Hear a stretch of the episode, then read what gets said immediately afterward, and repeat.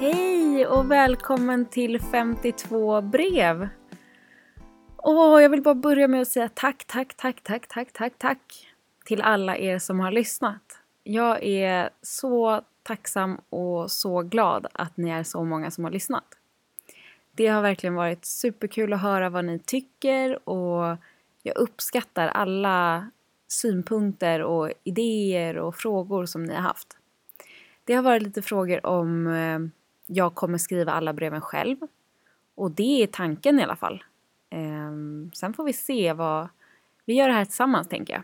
Så har ni idéer eller har ni input så skicka gärna det eller hör av er. Det är superkul att veta.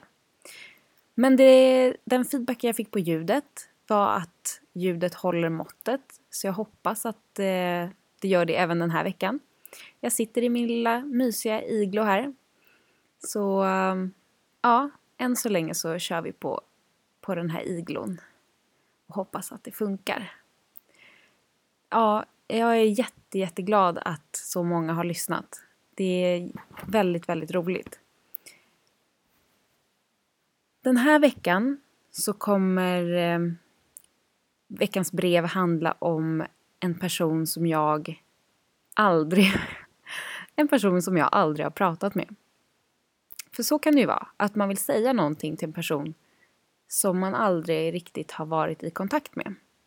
Man kanske har sett personen många gånger eller har personen i sin närhet men aldrig fått tillfälle kanske att prata med den här personen. Eller tagit tillfället. Eh, och då kände jag att det här är en eller flera personer kanske som, eh, ja, som hjälper mig. Och då vill jag bara säga tack. Så det här är mitt lilla sätt att göra det. Så veckans brev kommer här. Tack. Tack för att du går upp mitt i natten medan jag fortfarande sover. Tack för att du passar tider på ett sätt jag bara önskar att jag kunde. Tack för att just du gör det du gör varje dag. För det gör att mitt liv blir så mycket enklare. För dig kanske det bara är ett jobb. Men ju mer jag tänker på dig kan jag skämmas för att jag sällan eller aldrig visar någon uppskattning. Inte för att jag inte kan, utan för att det bara känns så självklart. Jag tror till och med att jag kan glömma bort att du är där. Och det är inte min mening. Ibland kan jag tänka på dig och få en känsla av att ditt yrke är ensamt, men att du trivs med det. Men nu när jag skriver så slår det mig att det kanske är socialt. Eller socialare än vad man tror i alla fall. Det är personer som du som borde få en liten boost varje morgon. På vägen ut genom dörren och på väg till ditt pass borde du få en chokladmedalj eller en färskpressad juice eller en kaffe. Något som du skulle uppskatta. Ja, det kanske bara är ett jobb, men ändå så värdefullt. Jag tar dig lätt för givet och jag saknar dig direkt när det märks att du är borta. Jag ska försöka komma på ett sätt att visa min uppskattning för dig, även om vi sällan ses.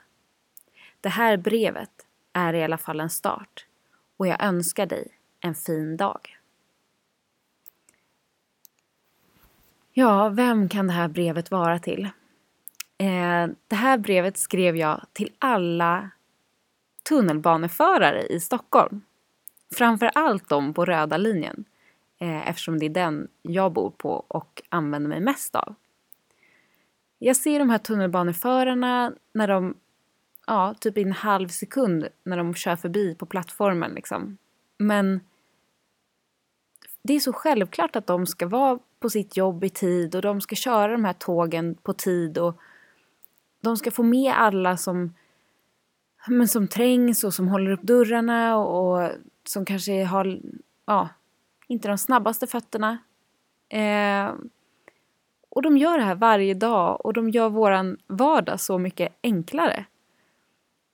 Eh, jag tror att det ligger så mycket logistik bakom att de ska vara på rätt plats vid rätt tid. Men Jag tror man lätt tar det för givet, eller det gör jag i alla fall.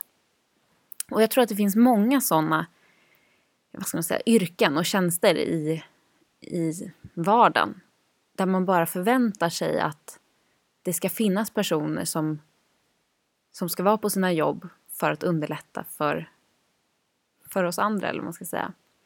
Eh, och just tunnelbanan, det är någonting med tunnelbanan som fascinerar mig. Eh, Tv-programmet Tunnelbanan är ju mitt favoritprogram. Eh, nu har ju Stockholmspoliserna kommit in på en delad första plats. Eh, men tunnelbanan är verkligen en favorit. Jag har alltid varit fascinerad av tunnelbanan. Jag eh, ska faktiskt praktisera på MTR eh, som då har hand om tunnelbanan. Just för att jag tycker att det är så intressant med den här logistiken och personalen och vilket ansvar de har och hur många människor de liksom färdar i de där tågen fram och tillbaka hela dagarna. Skulle inte tunnelbanan funka i Stockholm så, ja, då skulle ju Stockholm stanna. Det märker man ju rätt snabbt när det är lite snökaos och så. Eh, men ja, så att eh, jag kände att jag ville säga tack till alla er som kör tunnelbana. Eh, jag vet inte, det kanske inte är några tunnelbaneförare som lyssnar, men eh, då, om du känner en tunnelbaneförare eller om du känner någon som känner någon, så tipsa om podden och hälsa att det här ska man absolut ta åt sig av om man är tunnelbaneförare. Självklart bussförare också, men just tunnelbanan ligger mig lite extra varmt om hjärtat. Faktiskt.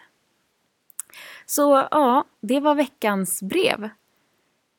Eh, ja, jag vill bara, oh, gud, tack igen. Det är super, superkul. Nu ska jag sluta babbla. Okej, andra avsnittet klart. Vi hörs nästa vecka. Hej då!